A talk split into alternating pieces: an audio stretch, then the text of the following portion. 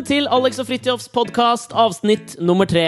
Kan jeg, Ja. få, kan jeg få begynne med å, Jeg føler et behov for å unnskylde meg fra forrige uke. Jeg har fått veldig mye tilbakemeldinger på hele det opplegget rundt den mannlige orgasmen. Jeg har også fått en god del eh, hvor det står eh, altså, eh, Både på, på I alle mediale kanaler har jeg fått tilbakemeldinger på at du som har hørt dette før For jeg fortalte jo at jeg hadde hørt Alexander simulere en orgasme tidligere i en bil en gang. Hvorfor i heite helvete ville du ha han til å gjøre det en gang til? Men det er et legitimt og veldig godt spørsmål, og jeg lurer på det samme. Jeg følte at du lurte meg inn i det. Jeg føler meg litt knivstukket i ryggen. Ja. Eh, jeg elsker å drite ut gode kompiser av meg, og derfor valgte jeg også å gjøre det her. Ja, nei, altså, det, har, det var litt vondt, det der. Jeg, eh, det er jo sånn at min mor og far hører på denne podkasten. Sa de noe om det? Nei, jeg har vært helt stille. Du vet, sånn, Det er en sånn elefant i rommet. Jeg var hjemme på middag Kan der. jeg få nummeret til moren din? Nei, Bare. Nei, jeg vil bare si beklager. Det kommer aldri til å skje igjen. Uh, og det kan jeg love dere. Uh, takk for meg. Nei, slutt nå! Det vi kan begynne med i dag, er at vi har jo fått eh, en del mailer fra folk etter den forrige podkasten. De fleste dreier seg jo om orgasmen, men vi har fått noen spørsmål også. Jeg tenkte vi kunne begynne i dag med å svare på noen av de spørsmålene dere har sendt inn. Ja. Eh, vi har fått et fra Jesus86. Jesus. Jesus86. Jesus som er fra et eller annet sted. Ja. Eh, Jesus lurer på, hvis dere måtte velge, ville dere vært programleder for Åndenes makt eller Søndagsåpent? Altså, eh, enten et veldig overtroisk eller et veldig kristent program. Overtroisk i begge kanaler. Jeg, har en, jeg er helt klar på hva jeg ville valgt, og jeg ville valgt Søndagsåpent. Okay. Og det skal jeg forklare deg hvorfor. Da jeg var sånn rundt 17-18 år, så var jeg kjæreste med niesen til Egil Svartdal. Ah, Jeg husker eh, vi var på hyttetur med den familien. De hadde hytte i Valdres. Og hun hadde da tre søsken, og onkler var med, og alle var med opp på den hytta. da. Og det var kjempekoselig og sånn. Og så var man jo da i, i en tids... Altså, man, jeg var jo såpass gammel da at eh, det med på en måte seksuell omgang, det begynte da å på en måte bli interessant. Og, og man liksom utforsket det litt og sånn. Og det var jo løvtynne vegger på denne hytta. Eh, Men det tenkte ikke jeg noe videre over, egentlig. så eh, Bibelsidetynne vegger. Ja, det var veldig tynt. Um, Men så skulle vi da være der Vi var der en uke, det var påskeferie. Og så midt ute i den ferien så ble jeg skikkelig syk, da, etter at jeg hadde hatt det veldig koselig de første dagene. Uh, Så de hadde en hems, og, der oppe så, så lå jeg og var skikkelig sånn spysjuk. Og så skulle de ha da hele, hele familien samles på påskeaften. Svær middag, langbord, jeg tipper det var kanskje 15 mennesker. Og så, Jeg ligger jo på en måte oppe der og hører, for det er jo en hems, så jeg hører jo alt de prater om. Og sånn, og så sier da min daværende kjæreste på et tidspunkt sånn at eh, nå, nå skal jeg ta så gå, gå opp med litt mat til Alex, jeg, og så se om, se om han kanskje klarer å spise litt. Og da reiser faren hennes seg opp, eh, broren til da, Egil Svartdal, og så sier han sånn høyt foran alle, liksom. Ja, du får ta og hilse til kaninen fra Kolbotn, da. Så du har altså lyst til å være programleder for Søndagsåpen bare fordi du har skamper? Nei. Nei, men ja. Jeg skjønner. Ja. Jeg hadde valgt Åndenes makt, da. Ja, Hvorfor det? Nei, sikkert fint program, det. Du og Tom Strømnes, altså.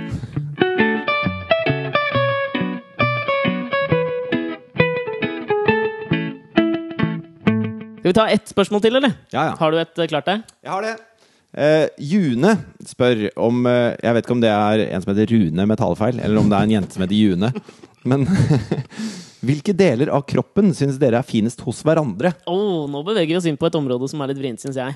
Altså Vi har jo i podkasten allerede snakket mye om hendene til Alexander. Så jeg er litt sånn kløyvet. Han har veldig pene hender, uh, dog litt små. Og så har jeg da hos Jeg, jeg syns oppstoppernes også er veldig fint. så jeg er litt sånn kløyvet mellom oppstopperneset eller de pene hendene hans. Ja, da jeg jobba som researcher i Senkveld, så hadde vi på et tidspunkt hun Tracy Cox, forfatteren, eh, som gjest. Hus- Hun som har skrevet Ja, hun har skrevet mye hot sånn sex, Kamasutra, alt det der. Ja.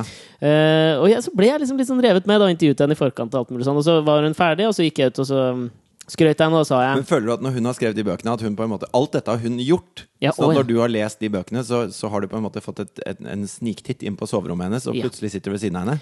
Svaret på det er ja. Ja, Er hun fin? Ja. Ok. Fortsett historien. Jo, men så kommer hun ut eh, fra studio da, etter å ha gjort eh, intervju, intervjuet med Thomas og Harald, og så sier jeg liksom ah, Great! Dette her var jo dødsbra, liksom. Og så snur hun seg mot meg og så sier hun sånn Takk for hjelpen og alt mulig sånn. Og så, og så sier hun eh, eh, Men det, det er bare én ting jeg må si der før jeg går. You have the cutest little nose. Og jeg ble så jævlig satt ut, så jeg visste ikke hva jeg skulle si. Men det eneste jeg klarte å svare henne, vet du hva det var? Uh, I get that all the time. Sa du Det det? var svaret mitt! Ja, men uansett. eh, Det peneste på deg Du har veldig pene underarmer, ser jeg nå. De er verken for bulky eller for smale, så de er vakre og har akkurat passe mengde hår. Jo, men, men det som er mye mer interessant enn det, Mm. er jo eh, hva, hva på deg selv er du minst og mest fornøyd med? Mest fornøyd med Jeg har, jeg har glimt i øyet. Ok. Minst fornøyd Jeg kunne jo godt tenkt meg å ha litt større hender. Mener du at hendene er det du er minst fornøyd med? Nei, det er jo ikke det. Minst fornøyd med Jeg kan nevne en hel. da. Nei, Nei, men det er ok. Nei, minst fornøyd med Jeg kunne godt tenkt meg å vært litt høyere. For å utvide perspektivet i prokreasjonsøyemed. Hva med deg? mest fornøyd, tror jeg. Og dette er, det er vanskelig. Ja, jeg, jeg vet hva det er. Ja, si det, da. Uh. Og nå er du flau! Nå er du kjemperød! Det er veldig gøy. Du blir sjelden flau. min høyre legg. Hvorfor den høyre? For den venstre er operert, så den er ikke like fin. Å, den skal jeg se på. Jeg må se den etterpå, tror Jeg jeg. kan vise deg det etterpå. Jeg gjør det. Hva Den er høyre er helt ålreit. da. Men minst fornøyd med? Nei, det er, nei, det er så mye, egentlig. Ja, det, ja, det er mye ting jeg er mi- minst fornøyd med, egentlig. Ok. Ehm, litt sånn mangel på hake har jeg. Det blir fort sånn her en rett linje fra adamseplet til neserotta. Men kanskje de, altså, kanskje de bre... Altså at det, at det liksom er bredere over hoftene enn over skuldrene, det syns jeg er usjarmerende. Jeg Altså. har hørt at det skal være 90-60-90 på damer. Ja. Jeg vet ikke om det gjelder for menn òg. Jeg tror hvis, hvis menn blir, for å sitere Thomas Giertsen fra Torsdagsklubben Ja, okay. eh, At han også eh, Jeg kjente meg selv veldig igjen når han sa at han var en av de mennene som ble Hvis det regna, så ble han fortere våt på hoftekammen enn på skuldrene. det det syns jeg er litt trist. Ja. ja, men skal vi ta, Da har vi svart på litt spørsmål. Vi håper at dere bare fortsetter å sende oss uh... Ja, det er et spørsmål til, da. Å ja, vi har det. Fra Sur. Er dere alltid så blide? Ja. Ja.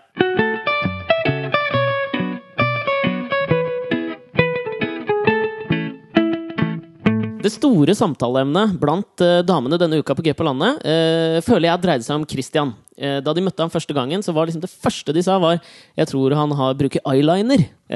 Og det gikk jo nesten, tror jeg, helt fram til den siste dagen, altså torsdagen, før Malin tok motet til seg og spurte om han brukte eyeliner. Det som det viste seg, var jo at han hadde vært på nyttårs, nyttårsaften på Peepy Islands og vært ganske full på rom. Og at han elsker Jack Sparrow. Han har lyst til å være pirat. Det er jo noe å elske, det òg. Ja, ja, ja. Men da han hadde da våkna opp, og så hadde han da klart å tatovere inn uh, eyeliner på, på undersiden av, eh, av Altså på den nederste delen av øyet. Ja, dette har jeg jo ikke peiling på. Har du det sånn når du er full? At du, at du, kan, at du kan til og med ta en tatovering uten å merke det? Ja, men Det var det jeg tenkte vi skulle snakke litt om. skjønner du Fordi Apropos sånn å være dritings. Det er, jeg syns noe av det mest underholdende er når jeg kan liksom sitte på YouTube og se kjente mennesker være dritings. Og Det er et sånt legendarisk klipp med Det er jo mange. Du har sett det med David Hasselhoff som prøver å spise den burgeren mens dattera hans sier sånn 'Please, dad, don't drink'. Og det eneste han klarer å svare, er 'gin'. Nei. jo, jo. Men Har du sett når Stoltenberg holder 1. ja, mai-tale? det er fantastisk. Det sånn ja, altså, Dette er en utrolig viktig dag. Han blir Thorvald Stoltenberg når Ja. han er dritings. Og så, og så Faktaene sitter ikke, og alt er liksom feil. i forhold til ja, Det må dere gå inn og se. Bare Stoltenberg full 1. Ja, mai. Men da må jeg få anbefale en annen også, som er fantastisk. Hvor det er et gammelt klipp hvor Whitney Houston er på et fransk talkshow. Og så er den andre gjesten Serge Gainsbourg. Og han var jo rimelig glad i å drikke. Så han er jo dritings. Hun har stått og sunget, kommer og setter seg ned ved siden av han, og han er med en gang oh, you're so beautiful, oh. Og så prøver da eh, talkshow-verten å simultanoversette til henne hva Serge Gainsbourg sier. For han snakker litt sånn fransk, litt engelsk. Og så på et tidspunkt så sier han liksom noe til henne på fransk, og så ser du han talkshow-verten blir superstressa, og så sier han sånn Oh, he says you're, you're, you're very beautiful. Og så liksom roper han No! I'm not Reagan and you're not Gorbatsjov. I said I want to fuck her. Til Whitney Houston. Hva gjør hun da? hun, sier, hun blir jo helt satt ut, ikke sant? Så hun bare wow, og slipper hånda hans, og så gir han seg ikke, og så bare får skal han ha en røyk, og så bare prøver han å glatte over. Han er så stressa, han talkshow-verten. da Men er ikke det deilig med litt sånn ærlighet? Oh, ja, men, og det er jo helt fantastisk, for jeg blir, der blir ikke jeg flau heller. For han, er så, han mener han. Han har bare lyst til å ligge med Whitney Houston, og det må da være innafor. Men jeg, jeg, jeg syns at sånn ærlighet det, det, må, det må verdsettes. Ja. Og jeg tror at man kommer sinnssykt langt. Kanskje ikke hos Whitney Houston, men jeg tror at man kommer lenger enn man hadde kommet ellers, hvis man er så ærlig. Ja, å, ja, ja, ja, ja. ja. Ja, men tør du det? Jeg tør ikke. Nei, nei, nei, nei, nei. Nå sitter jeg bare og kommer på sånne dritingshistorier med kjente Men mennesker. barn er jo så ærlige. Barn er definitivt så ærlige. Jeg, jeg, gikk, eh, jeg gikk over Ryesplass med, med Thea her.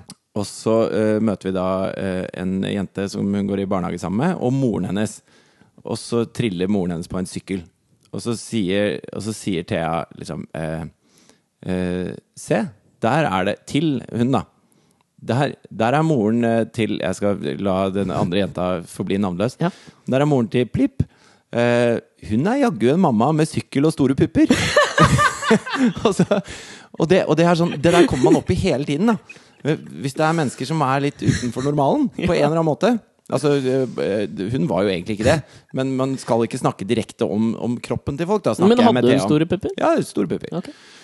Og så, og, så, og så prater jeg med Thea om det, og så sier jeg at eh, Sånn at hun skal skjønne det. Og så jeg at hvis noen er for litt større eller litt annerledes eller et eller annet eh, med kroppen deres, og man ser dem på gata eller møter dem på trikken, eller noe sånt, så, eh, så kan det godt hende du har rett i at de er litt annerledes. Og, og det er på en måte lov å si, men kan du si det til meg, og kan vi ta det når vi kommer hjem? Altså at du husker på det, og så snakker vi om det når vi kommer hjem. Eh, fordi at ellers, hvis de får høre det, så kan de bli lei seg.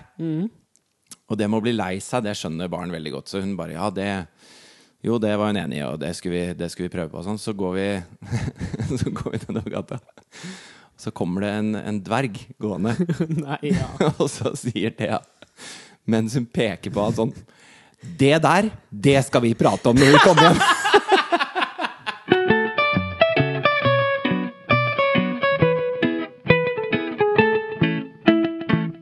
Jeg har lagt merke til at du ved en rekke anledninger har eh, spurt meg om råd i kraft av at jeg da er eldre enn deg. Du har lagt merke til det. Jeg har lagt Jeg hadde til det. kanskje håpet at du ikke skjønte at det var aldersbetinget. Og er det ikke det? Jo, det er klart det er det. Ja, ikke sant? Det er det der. Det er ikke fordi du er så Eh, jævla vis. Jeg føler meg jo ikke sånn, eh, sånn veldig gammel, men, men jeg er jo, jeg er jo rela altså jeg er en voksen mann, da. Du er vel Er du seks år eldre enn det jeg er? Jeg er 35 år og føler meg egentlig veldig komfortabel med, med min alder. Ehm, så jeg lurer på eh, Ser du opp til meg? Aldersmessig gjør jeg jo det. Ja? Eh, høydemessig gjør jeg jo det. Mm. Men sånn i livet, grunnen til at jeg har spurt deg til råds, er at du virker som en eh, velbalansert eh, mann. Men tror du det er fordi jeg er eldre? Ja, ja, Enn deg, da? Ja, jeg tror det. Jeg tror, eh, grunnen til at jeg spør, er at jeg tror jeg er mer av en sånn trygghetsnarkoman enn det du er. Derfor, når jeg da føler at tryggheten eh, min, min trygghetsis begynner å slå sprekker, så er det veldig fint å venne seg til en fyr som deg, som jeg føler har levd et litt sånt liv eh, Du har opplevd livets skyggesider mer enn jeg har. Så det er derfor jeg spør deg til råds, når jeg føler at jeg beveger meg mot, uh, mot det mørke. Er det flere ting du lurer på? Eh, nei, altså det som kanskje opptar mitt liv mest akkurat nå, er jo at jeg har tenkt mye på, på det å, å finne noen og slå seg til ro. Begynner man å få dårlig tid på det i en alder av 29? Eh, det jeg lurer på, er vel egentlig kommer jeg på en måte noen gang til å bli trygg i mitt møte med kvinner, da? Kommer det med alderen? Eh, Jeg vet ikke om det kommer med alle. Hilsen tror- trygghetsnarkomanen. Ja, blir du ofte redd når du møter kvinner? Nei, nei, jeg blir ikke redd. Jo, man Men- kan jo bli det. Nei, jeg blir ikke redd, men jeg blir, jeg blir veldig sånn us Jeg blir litt sånn usikker på et eh, dypere plan. Så kommer jeg noen gang til å oppleve en, kommer jeg til å oppleve en trygghet i det der noen gang? Jeg tror, ikke, jeg, jeg tror som, som singel så er det umulig eh, å, å ha en sånn eh, komplett trygghet hele tiden. Altså, eh, for, for ikke så lenge siden, faktisk, så jeg eh, Eller så ble jeg med i et dansk band som heter Royal Highness. Og det første vi skulle gjøre, var å reise på en eh, turné til Færøyene. Som er et veldig, et veldig flott og eksotisk sted. Og, og da vi kom til Torshavn, så var noe av det første vi gjorde, var vi spiste lunsj på en kafé der hvor det jobba en, en jente. Er det, det riktig, kan jeg bare spørre, er det sånn mitt bilde av færøyske damer? Esoteriske, svevende, litt bjørkaktige? Nja, i hvert fall veldig pene. Altså, jeg lurer på om det er noe med det klimaet der oppe som gjør at de bare er, blir veldig pene, altså. Ja, jeg ble jo Var ikke Altså, i Buzz Aldrin-boka til Johan Harstad, så er vel han på Færøyene og blir forelsket i en dame der. Og helt til og med fram til jeg så TV-serien også, så hadde jeg jo dannet meg et bilde at jeg også ble forelska i den færøyske dama der. Ja, altså, eh, det som skjedde, er jo ikke så langt fra det. Oi. Fordi at jeg, jeg, var på den kafeen. kafeen, og så er det en dame som serverer oss, uh, som jeg syns er helt fantastisk. Uh, og og jeg, klarer å, jeg klarer ikke å svare engang når hun spør hva jeg skal ha. og sånn. uh, for av og til så blir man sånn trollbundet, da. Og så de danskene de dytter meg i ryggen og sier ja, 'kom igjen nå'. ikke sant? For de ser! Jo, ja, Kom nå, for fenn! For de ser, de ser jo hva som skjer. Og så ender det med at jeg tar mot til meg, så går jeg bort til henne og sier har du lyst til å komme på konsert i kveld. Vi skal spille i idrettshallen sammen med Pottel Finner Pottel. Hva er- betyr- de er hva betyr det? store det betyr, Jeg tror det betyr Paul Finner Paul. Det er fint Og de er veldig store på Færøyene. Og så sier hun at ja, det kunne hun tenke seg. Og så øh, håper jeg jo selvfølgelig at hun kommer.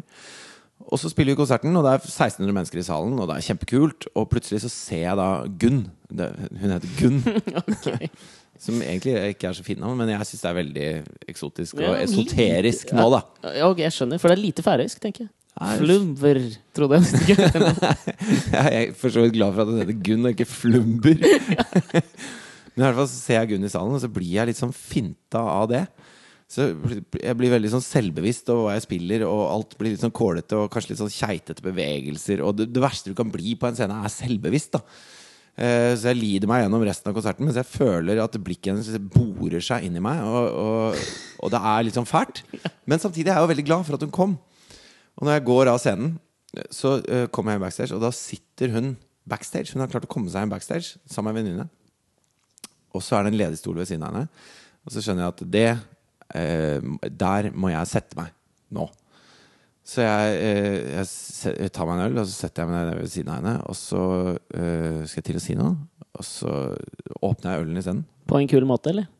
Det Bare å åpne den, egentlig. Ok. Og det er ikke så kult. Fordi jeg er veldig opptatt med å tenke på hva jeg skal si. da Um, Og så uh, kommer det liksom ingenting. Og så tar jeg en slurk av ølen, og så føler jeg at nå har det gått tre sekunder for lenge. For hun har liksom kastet blikk bort til meg, og så tilbake, og så bort igjen. Og så, og så plutselig så er det vinduet der. Ja, det fins det vinduet, ass. Ja, det vinduet fins. Det er stengt. Jeg føler at nå har det gått for lang tid, og da, kom, da må jeg komme på noe å si som er så smart. Eh, og så kommer ikke det. Og så, eh, og så ender det med at jeg blir sittende og drikke mens jeg prøver å finne på noe å si. Jeg har ikke sagt et ord. Og til slutt så har jeg drukket opp ølen og sittet der i et kvarter da, uten Men- å si noen ting. For det var ikke på noen som helst måte at hun kunne oppfatte at du inntok den litt mystiske rollen? Hallo! Det er meg du snakker om. Jeg, jeg altså, fins ikke mystisk.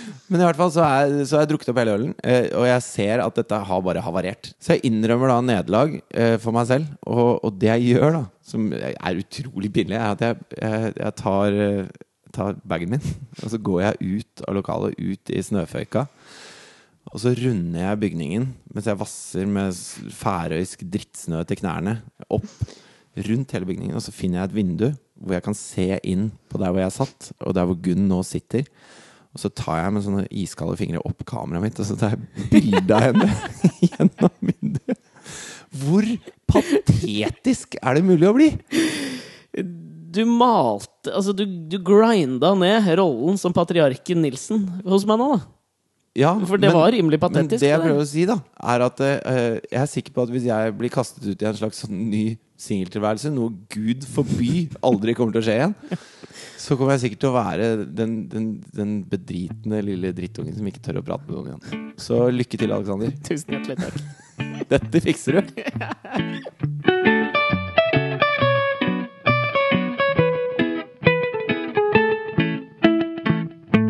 Men selv om jeg spør deg om råd eh, mange ganger, og du er den patriarken i mitt liv akkurat nå, så eh, er det noen ting jeg liksom stusser litt over også. For du er veldig, du er veldig trygg og, og satt, det var ikke negativt ment, i mange deler av livet ditt. Men samtidig så husker jeg at da vi var på Herøy, så måtte vi ta en liten svipptur til Bergen eh, midt under det opptaket. For da var det Gullruten, og så skulle vi dele ut en pris, og så var Gøy på landet nominert, så vi måtte svippe opp og ned. Og så husker jeg da vi skulle da reise fra Bergen, etter at vi var på Kan jeg komme med litt, to små digresjoner til eh, Om du kan. Gullruten? Ja. For det første eh, Jeg drakk jo som en fjortis på, på Gullruten. ja. Så jeg er sjeleglad for at Gøy på landet ikke vant. For det var såpass sent i den utdelingen at det, det hadde jo blitt en fadese hvis vi skulle gått opp og tatt imot en pris der.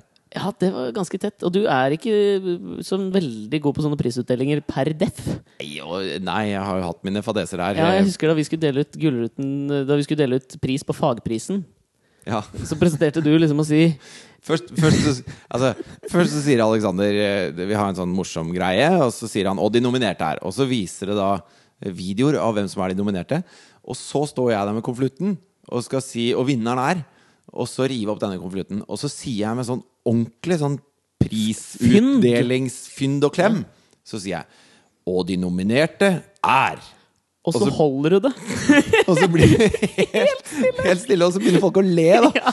Ja. Før jeg skjønner at jeg har bæsja på leggen, og, og Alex prøver å redde situasjonen. Og det egentlig ble ganske morsomt. Ja, ja. Men så, når vi skal dele ut da eh, pris på selve Gullruten, så står vi bak scenen, og så er det en, en, eh, en jente som het Katarina, som skal føre oss på scenen. Så hun står Det er et sånt stort, mørkt eh, rom, på en måte, hvor det bare er et sånt tynn sånn Molton-teppe som skiller oss fra scenen.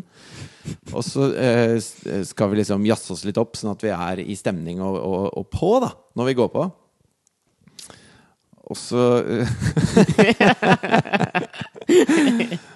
og, så, og så tenker jeg at eh, Hva løser vel opp stemninga bedre enn en Hva løser vel opp stemninga bedre enn en fis?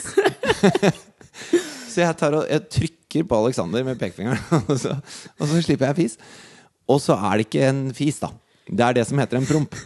Og det er en ekstremt høy. Det var altså så høyt! At jeg var livredd for at de hørte den ute på scenen. Og hun Katarina som sto liksom ti meter borte, hun spant rundt og så på oss. Og vi lo altså så, så vi ikke klarte å puste. Og vi skulle jo ut på scenen. ut på scenen, så hun kom bort til oss og bare sånn Nå må dere slutte å le, for dere skal på scenen nå! Men det funka! Det gikk jo, det. Vi klarte jo å skru oss veldig på. Ja, ja, ja. Men hva var det du skulle fortelle? Jo, om- nei, da jeg husker da Etter at vi hadde gjort alt dette her, så skulle vi reise fra Bergen og oppover nordover igjen. Eh, og det, var det, som, det er det som slår meg litt med deg, da. Når du kan være så veldig sånn trygg i enkelte settinger, Jeg kan prompe bak scenen på Gullruten. Ja, det kan du også gjøre. Men så er du eh, så innmari distré, da. Sånn som da vi dro fra Herøy, så hadde du først glemt nøklene dine der vi bodde i Herøy. Ja, jeg kom hjem til Oslo uten nøkler, og Katrine hadde reist til Bergen allerede. Ja, Så du hadde ikke noe sted å bo. Så skulle vi reise da fra Bergen og oppover igjen. Og da sitter vi på flyplassen, og da glemmer du lommeboka di der. Ja. Og så, i alt dette her, så sørger du for at vi holder på å miste flyet. Så på et tidspunkt så blir vi ropt opp sånn man blir på flyplasser. Så kan Alexander Nyhagen og Fridtjof Nilsen vennligst komme til utgang gate B. Ja. Og det er altså rimelig flaut. Fordi da sitter jo alle de på en måte i TV-bransjen der og hører dette her. Og vi har jo sittet der i tre timer, men klarer ikke å komme til den gaten på tidsnok, da. Så det, som, det er det her jeg lar meg fascinere litt av, at du er så selektivt eh, Selektivt trygg og selektivt satt i, i, i rammer, på en måte. Plutselig så kan du bare være alt bare flyter, og så er det jeg som finner lommeboka. Men det ordner seg jo alltid. Det ordner seg jo alltid. Ja, men det er fordi jeg er altså- der. Ja, men det er, noen er der. okay. jeg, er, jeg har flaks. Ja. Og, så de tingene skjærer seg aldri. Men har du merket noe på vil... Aldri mista et fly, jeg. Har du ikke det? Nei. Ja, du er så innmari rolig på mista, de greiene. nå. aldri mista lommeboka mi. Eller jeg har mista mange, men folk kommer og gir den til meg. Det er meg, det! Ja, og andre fremmede. Men har du noen gang merka at du, hvilke områder du har, er sånn selektivt eh, på, til stede på? Ja, hvis jeg føler at det ikke ordner seg hvis jeg ikke følger med nå. Men, men alt, alt det andre, det, det ordner seg jo.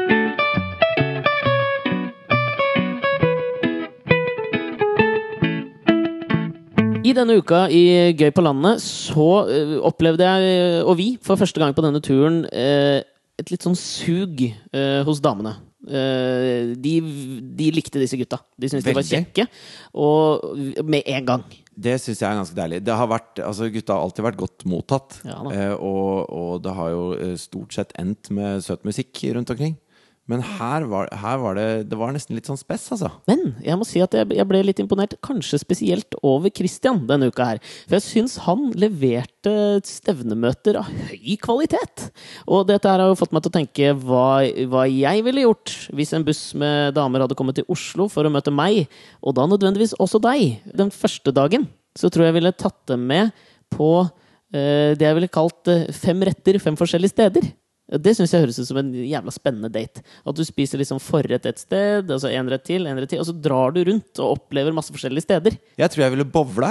Meg mot røkla. Eller kanskje så kostymedate.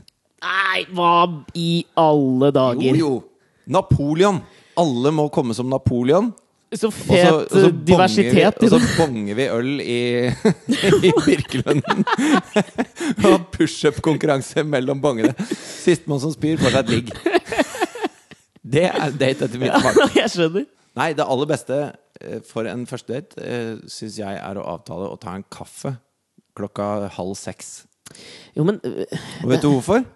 jeg, jeg har veldig lyst til å vite hvorfor. For jeg må bare skyte inn et spørsmål først. At jeg, for, for min del så er det med å ha alkohol inne i bildet Det er jo en liten trygghet der. Ja, men det er, to, det er to grunner til det. Hvis du går bort og spør en fremmed dame om hun har lyst til å ta en kopp kaffe, så det du egentlig spør henne om, er om hun vil ligge med deg. Å ja, ja.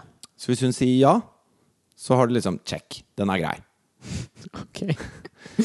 Og hvis du da går og tar en kaffe klokka halv seks, eh, så, eh, så viser du at, eh, at du er litt sånn kul på dette her. Men det du, skal, det du må prøve på, er å få den daten til å eh, på impuls bli en helaften. For da føler hun seg sjarmert. Da har hun kommet med det moduset at hun skal ta en kaffe. Og hvis hun da ender med, med liksom eh, det tiende hvitvinsglasset på et eller annet hyggelig sted, og det bare har gått kjempebra, dere har blitt sultne, altså, ja, vi går og spiser, og det bare har sånn eh, impulsivt utviklet seg Da er du på glid, da. Ja, dette jeg Mens hvis du planlegger, hvis du planlegger en sinnssykt sånn der, flashy sånn, Jeg har tenkt sånn og sånn og sånn, så legger du et, eh, et press på henne på at dette må resultere i noe bra. Mens hvis du bare eh, Bra, les ligging. Ja, det var det jeg tenkte å si det. Ja. Eh, mens hvis du bare liksom Ja, vi tar en kaffe, da. Så er du litt sånn nonsjalant på det, og så kanskje dere havner ute på en superfet kveld, og da er det bare oh, dette var koselig. Det gikk over all forventning, tenker hun da. Kom Men- til meg, Men du har jo selvfølgelig du med de pene hendene. Jo, Skal jeg fortelle hva som skjedde når jeg var på vei mot eh, første date med eh, altså min, min kjære Katrine? Ja. Da kom jeg syklende nedover Brenneriveien. Og så eh, går, det en, går det en fyr oppover som har på seg singlet og et sånt halskjede av gull. Og er kanskje 45. Og så sykler jeg nedover, og så roper han 'hei'! Og så stopper jeg, da, for jeg, jeg skvetter. Og så sier han Og dette er første og eneste gang i mitt liv at jeg har hørt disse ordene. Men han sier at du er faen meg den deiligste jeg noensinne har sett. Hvor jeg blir helt sånn uh, perpleks. Jeg, eh, tusen takk. Det er, det er veldig Det var svaret ditt? Ja, men nå er jeg på vei for å møte eh, en jente på date, så jeg vil gjerne takke deg for, det. For en boost! Jeg vil gjerne takke deg for det komplimentet, Fordi at nå er, føler jeg meg helt usårlig. Nå kan jeg gå hvor som helst, og dette blir, blir kjempebra. Og så, og så sa han ja, lykke til. Tommelen opp, liksom. Men herregud, det er jo den perfekte conversation starter når du drar Nei, det er kanskje ikke det. Du kunne jo ikke fortelle det til Katrine. Jo, det var det første jeg gjorde. Med en gang. Ja, ja. Vet du han homsen nedi i Brenneriveien sa, eller? Jeg digger han, altså. Men det blei mer enn en kaffe, eller? Å ja, Det ble en helaften.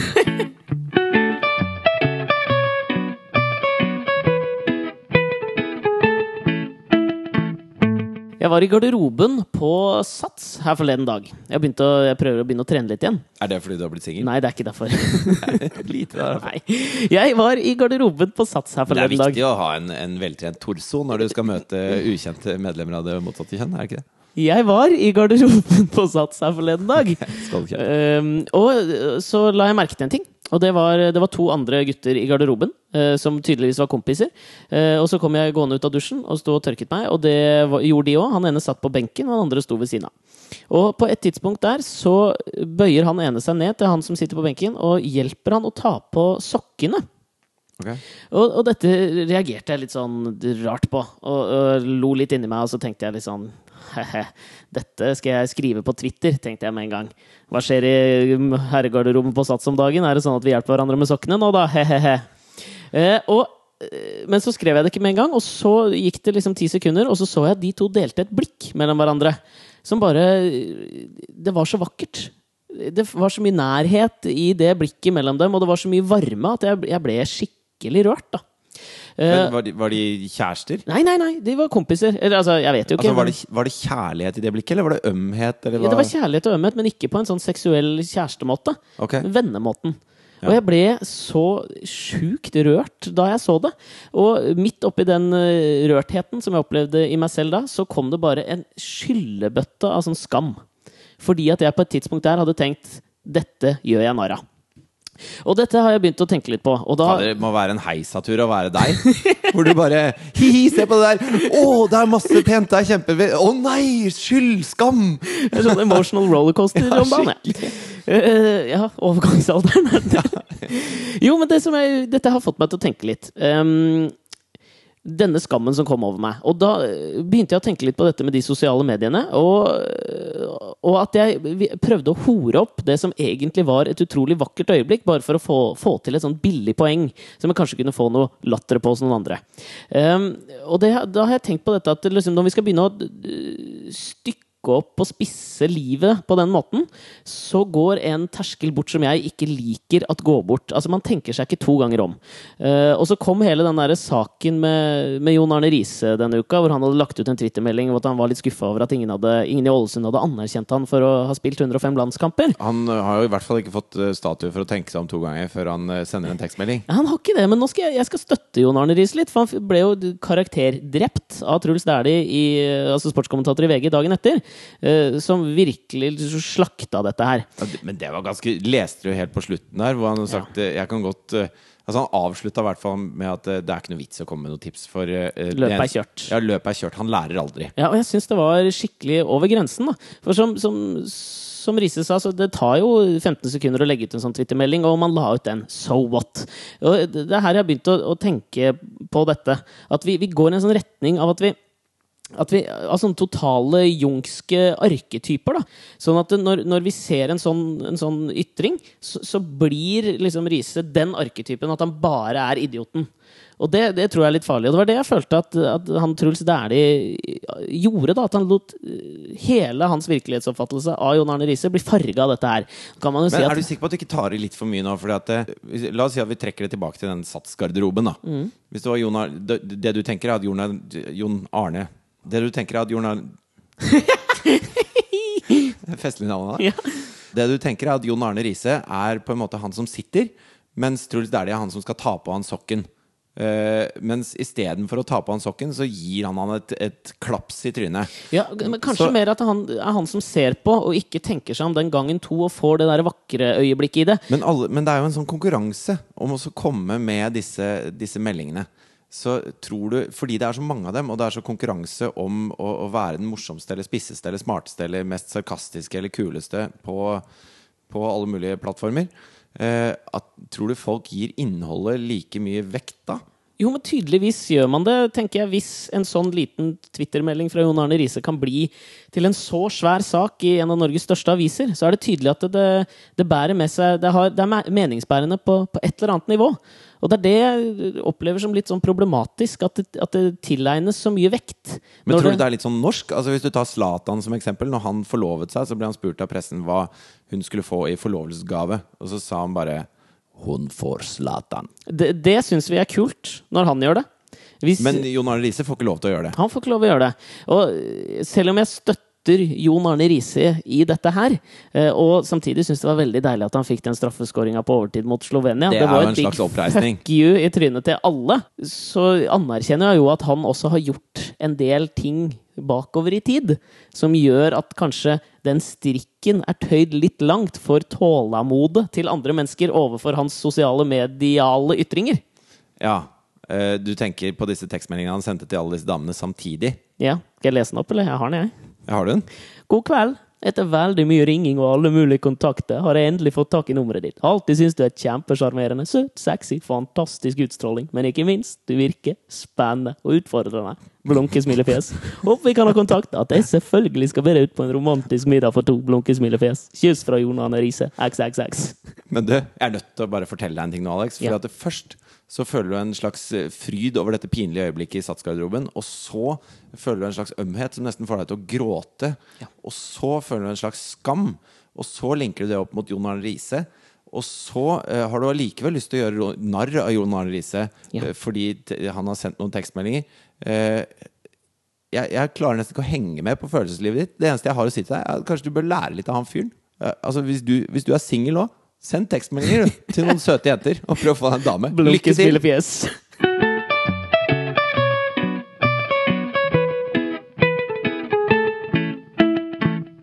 Når jeg ser på Gøy på landet, så snakker jo disse gutta veldig ofte om at de syns det er veldig vanskelig å være på date med så mange damer samtidig. Og det er jo noe de aldri har gjort før. Um, det har jeg. Hæ? Ja, jeg har det. Har du vært på date med flere damer? Ja, fordi at jeg var uh, uh, veldig nerd. Altså Hele barneskolen gikk med til å være liten og tjukk. Var du tjukk? Jeg var liten og tjukk. Det var jeg òg. Og det er veldig slitsomt, altså, Ah, på barneskolen. Men i hvert fall eh, relativt sånn liten og chubby.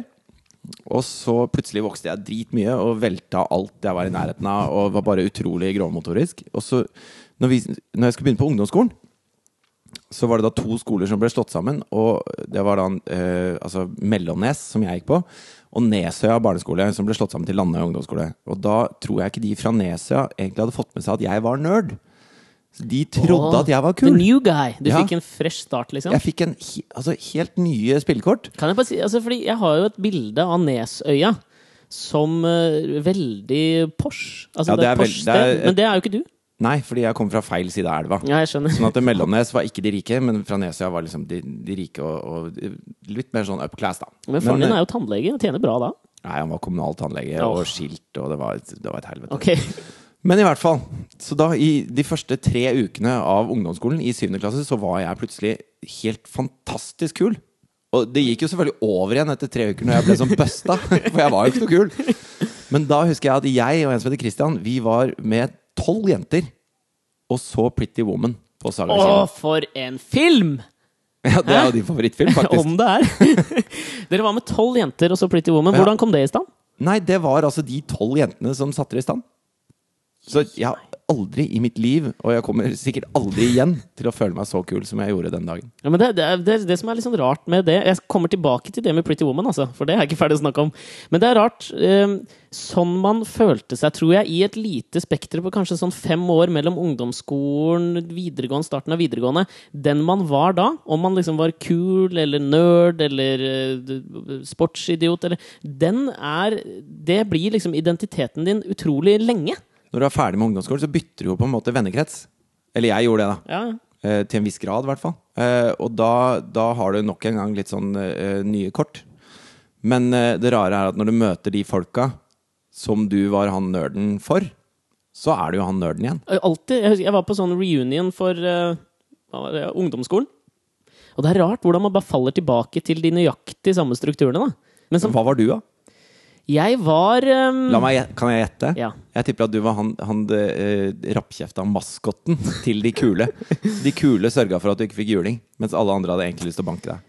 Det stemmer rimelig bra. Altså. ja, det stemmer på en såkalt prikk. Og jeg kan bekrefte at uh, Alexander har ikke vokst ut av det mønsteret Jeg har ikke det. Men ja, bare tilbake til Jeg er nysgjerrig på det Pretty Woman-greia. Uh, Woman-greia. Når du er da med tolv Følte du at det var en date?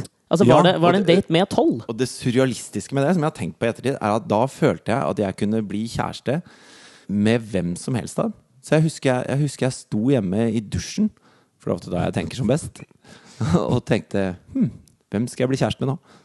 Men, men, og så var det jo en iskald bøtte med vann i trynet, og så var du tilbake til å være han nerden. da. Men fikk du med deg noe av filmen, da? Ja, det var noe med Julia Roberts og Richard Gere. Ja. Vet du at det er eh, faktisk Richard Gere som spiller pianoet? eh, og det er han som har komponert den låta, som han spiller der for Julia Roberts når de på en måte har sex sånn ordentlig for første gang, hvor du liksom ser at det er ekte. Skulle du ønske at du var Julia Roberts i den settingen? Eller? Nei, heller Richard Gere, altså.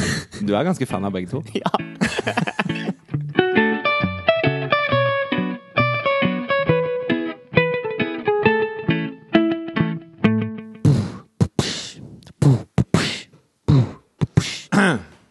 Denne ukas Gøy på landet-program er jo fra Herøy. som er en forblåst liten øykommune helt langt, langt ute i havgapet. I Nordland fylke. Og Første dagen så intervjuet vi eh, varaordfører Elbjørg. Jeg vet ikke om du husker det? Jo, jeg husker det. Men uansett så sa hun at eh, når vi spurte hva er det som kjennetegner folk eh, opp fra Herøy, så sa hun at eh, de er glad i natur og bla, bla, bla. Eh, men også at de, man blir litt gæren av å bo så langt ute. Og så, eh, i løpet av uka, så fikk vi liksom litt, sånn der, litt av denne gærenheten. Men på 17. mai så fikk vi den på ordentlig. Husker du dette, Hæ? Alex? Nei.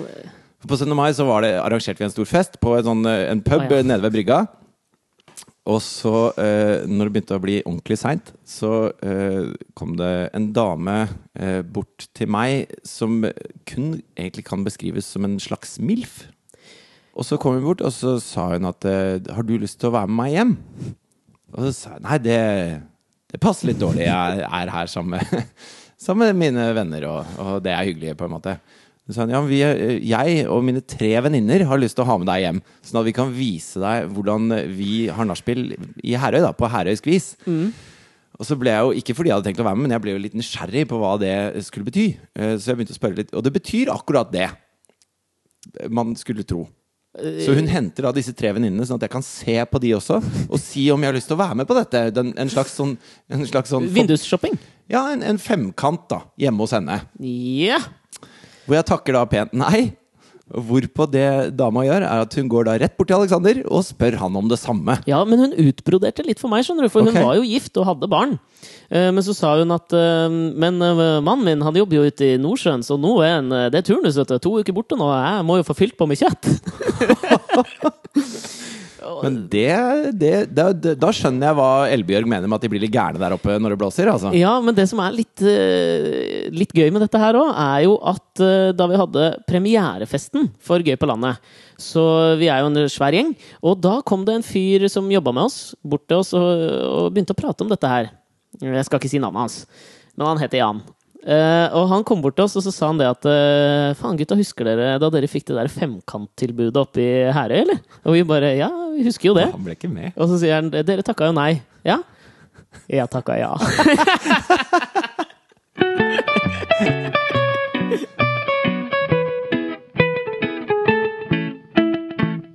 Vi har begynt å drikke, vi nå, så nå er vi nødt til å gi oss. Nå må vi gi oss. Klokka er kvart over ett. Vet du hva jeg skal i morgen klokka halv ti? Nei. Jeg må jo være litt opplagt. Jeg skal gå og prøvevoice for en sånn Disney-film. Oi, hva skal du være? Jeg vet ikke, en eller annen sånn liten kid.